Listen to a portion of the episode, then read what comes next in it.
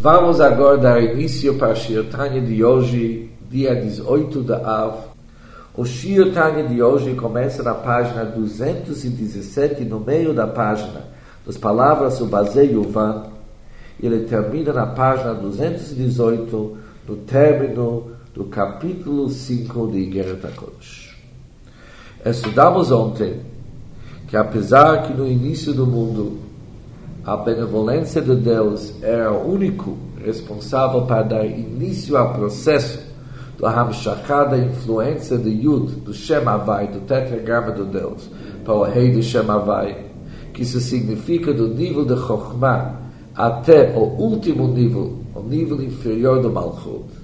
Mas agora o assunto é diferente. Tudo depende do nosso itaruta diletado, no despertar do baixo, que cabe a nós para dar o início ao processo. O início do processo significa para poder pedir para Kadosh Baruch para iniciar um imenso tzimtzum, uma contração imensa que nós não temos. Nada com um exemplo para entender a intensidade das contrações e condensações necessárias para descer do Yud para o Rei. Mas para poder a Kadosh Baruch fazer isso aqui, isso depende do nível do Chesed da Kadosh Baruch da bondade de Deus, que justo pela sua bondade isso dá o início ao processo. Quem desperta a bondade da Kadosh Baruch Hu é quando nós praticamos atos da Kavachesed. Ou seja, o processo começa. Nós praticamos atos de Tzedakah Chesed em nosso mundo. Proporcionamos uma vida melhor para pessoas necessitadas. Lachayot Ruach Shfalim nós ajudamos pessoas humildes e pessoas necessitadas. Através do nosso destacar, isso desperta o resto da Kadosh Baruch para querer nos sustentar, para querer nos apoiar. Na hora que entra o resto da Kadosh Baruch se desperta o resto da Kadosh Baruch isso dá o início ao processo do Yud, do Shem Havai, do Yud do tetragrama, que é chamado Kadmut HaSechel, que é o nível que precede todos os outros firot, para daquele nível começar a influenciar o último nível que é chamado a Heitata, que é o nível do sopro, o nível das letras e palavras da Kadosh Baruch que é eles que vão no fim criar o mundo. Mas quem que deve dar o início ao processo somos nós. E sobre isso é que vamos continuar estudando hoje e através disso vamos entender como que nós de fato construímos o nome do Deus Yud Kei Vav Kei. O Bazei Yuvan, com isso vamos entender Masha Kotev Ariza, aquele que o Ariza escreveu.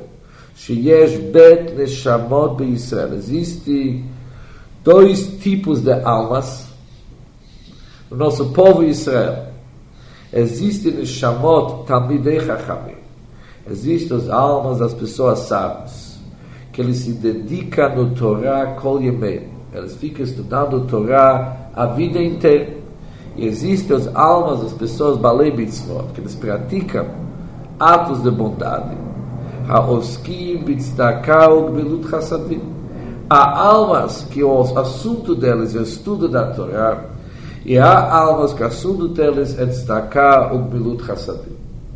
E logo vem uma pergunta, estudamos no Shirtanya de hoje, que uma pessoa que fala que ele dedica somente ao estudo da Torá, nem Torá que ele vai ficar.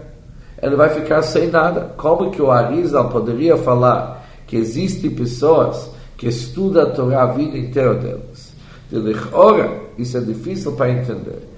Harigam Talmidei Chachamim, também os sábios que se dedicam ao estudo da Torá, Serrim Lassot Bimut Hassim, eles devem se dedicar a atos de bondade. Que mamar rabotenes, conforme o dito de nossos sábios.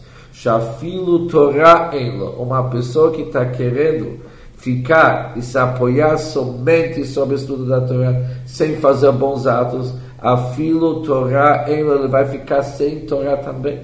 E como o que existe no Shamot, que o assunto deles é estudo da Torá. Diz o Balatani, não. Não está se falando das pessoas que não praticam Gmilut Hassadim. Eles, sem dúvida nenhuma, também fazem Gmilut Hassadim. Também fazem Tzedakah. Mas já também deixa, Hamim está se tratando aqui da pessoa, do tipo de pessoas, Shetoratan Ikar. o principal assunto deles é o estudo da Torá.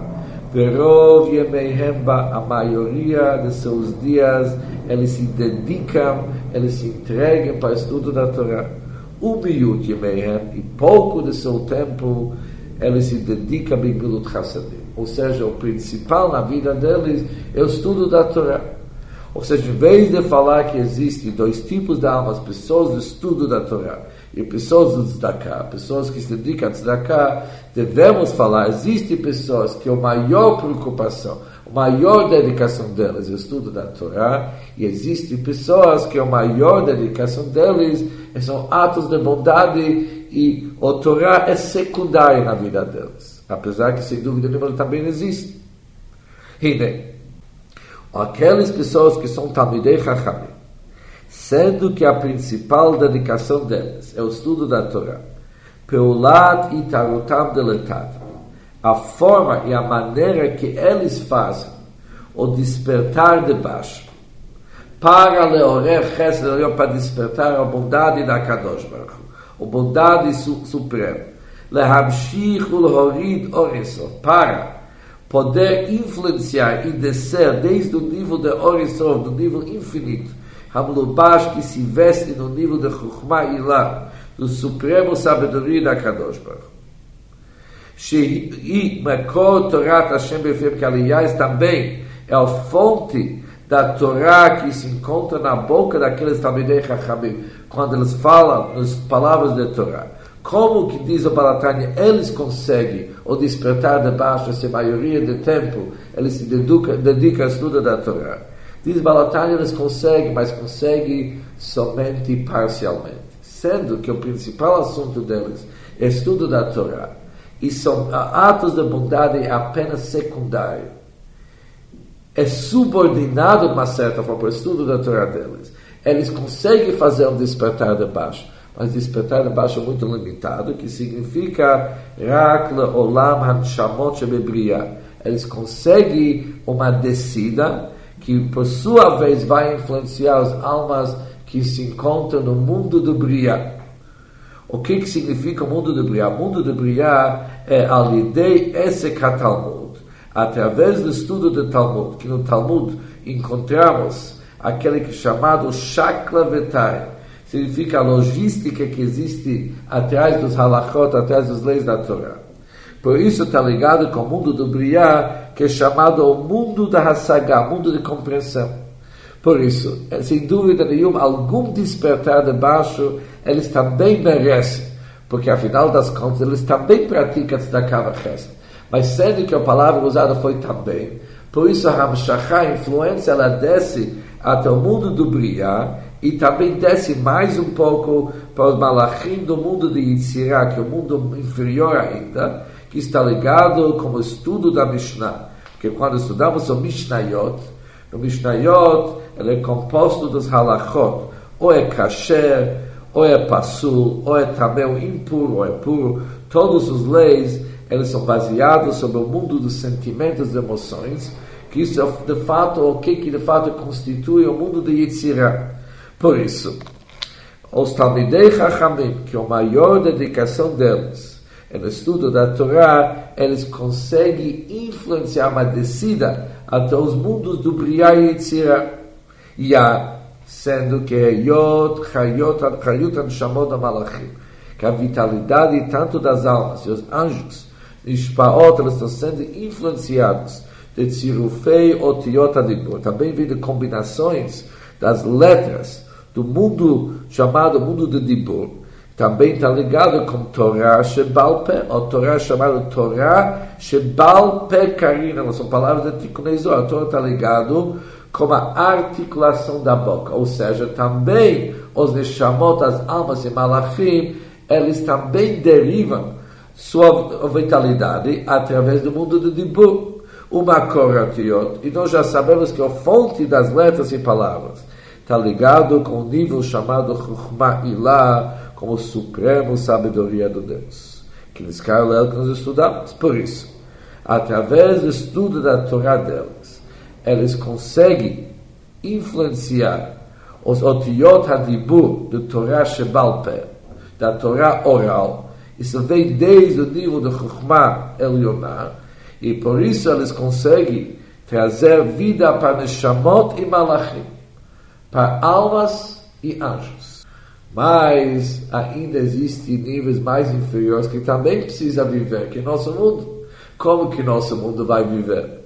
Ah, para influenciar, o Lhorid para descer, Ha'ara, uma irradiação, Vechayut e uma força vital, desde o nível do Hevel Ha'elion, desde o nível do sopro do Deus, que é chamado Rei Tatal, último rei de Shemavai. E para onde descer? Ele diz, Lolam Azel Shafel, para nosso mundo baixo, não apenas para os mundos de Briah e Tzia, mas para nosso mundo de Asiya. Shuhu Tzimtzum Gadol Biyesaras. Para isso precisa, se necessita, uma condensação, uma contração maior e muito mais forte, totalmente mais e muito mais intenso do que os tzimtzumim que são necessários para os mundos de Briah e Tzira. Lodai bitaruta diletata, para isso é insuficiente o despertar de baixo que vem dos Talmidei Chachamim, que vem das pessoas sábias que estudam a Torá, que estudam a Torá. Ha-oskim miut yemeim bitzdakah, que somente uma pequena parte de seus dias eles se dedicam a tzedakah milut chassadim, aos atos de caridade. Ou seja, o itaruta diletata, o despertar de baixo, dos grandes Talmidei Chachamim, dos grandes sábios da Torá, por maior que eles são, no estudo da Torá, ainda é insuficiente para sustentar nosso mundo. Para sustentar nosso mundo precisa um outro tipo de itaruta de um despertar de baixo, do nível e de um caráter totalmente diferente. Quem consegue fazer um itaruta de despertar de baixo que vai influenciar nosso mundo baixo, ela lhe dê itaruta através do despertar de balei mitzvot, das pessoas que se dedicam, dedicam mitzvot.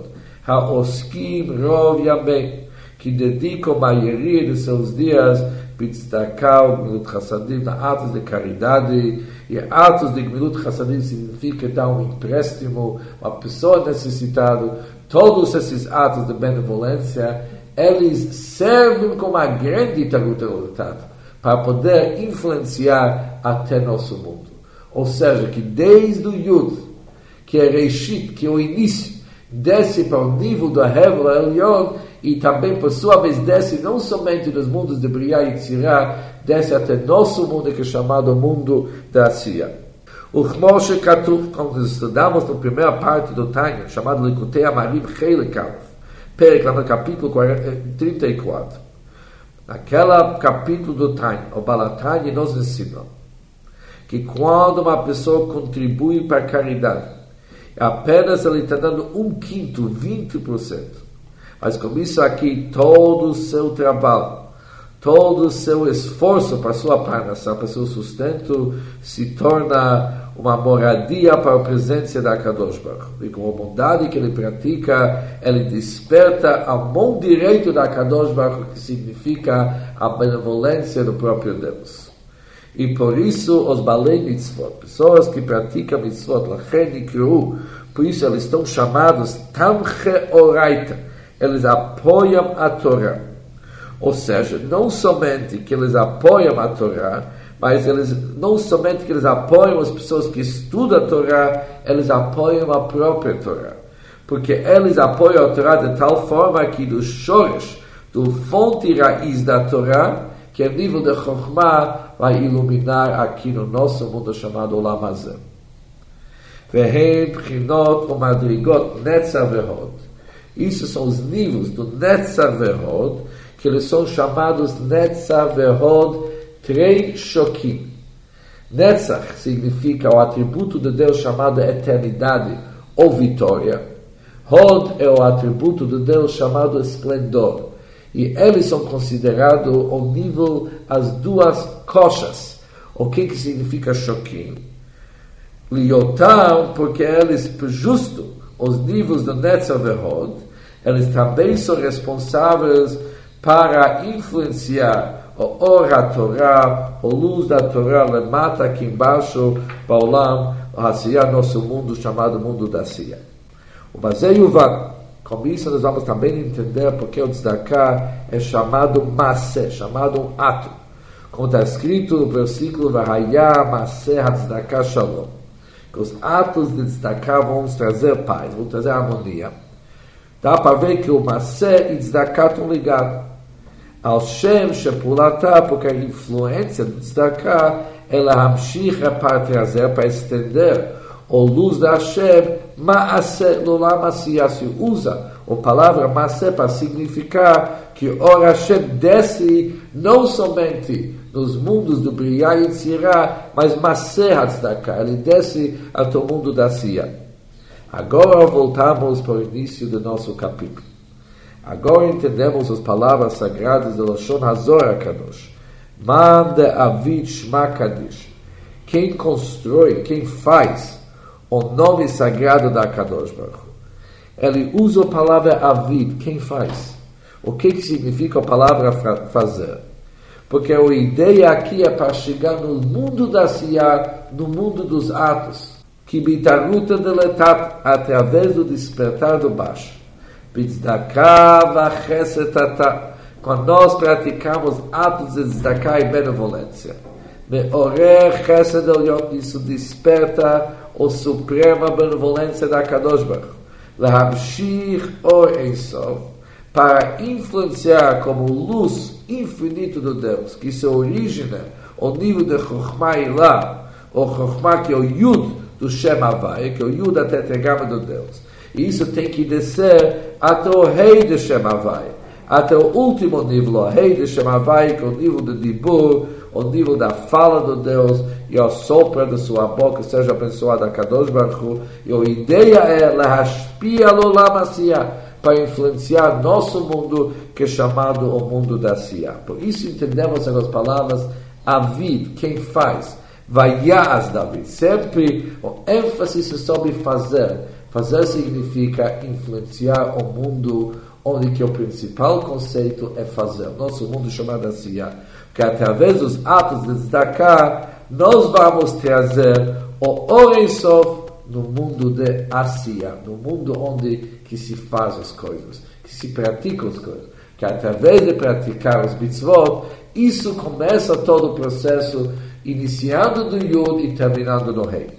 Valderech Mashal, por exemplo, Havdil Abdalot que reservando sem infinitamente separações entre o Mashal, entre o exemplo e o Nimshal, que é o Akadosh Baruch.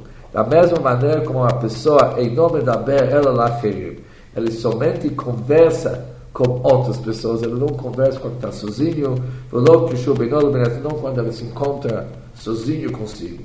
Mas, nesse caso, ele betzamsem, sichlo, machshavto, b'diburu aleihem ele condensa e contrai seu ser, sua inteligência e seus pensamentos através de sua fala se relacionando com outras pessoas, assim também é Deus falando com nós, mas de certa forma somos outros nos sentidos que somente no Lamacia há um certo sentimento de independência. Por isso nós somos chamados outros.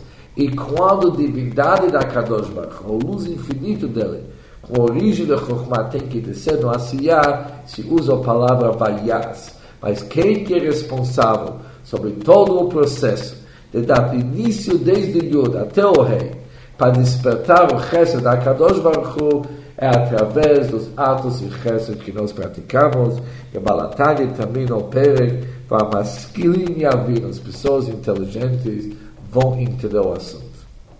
Esperamos que nós também todos fizemos parte de uma masculine avino após estudar esse perk, ganhamos pelo menos inteligência para saber a importância de nossos atos de destacar a resto.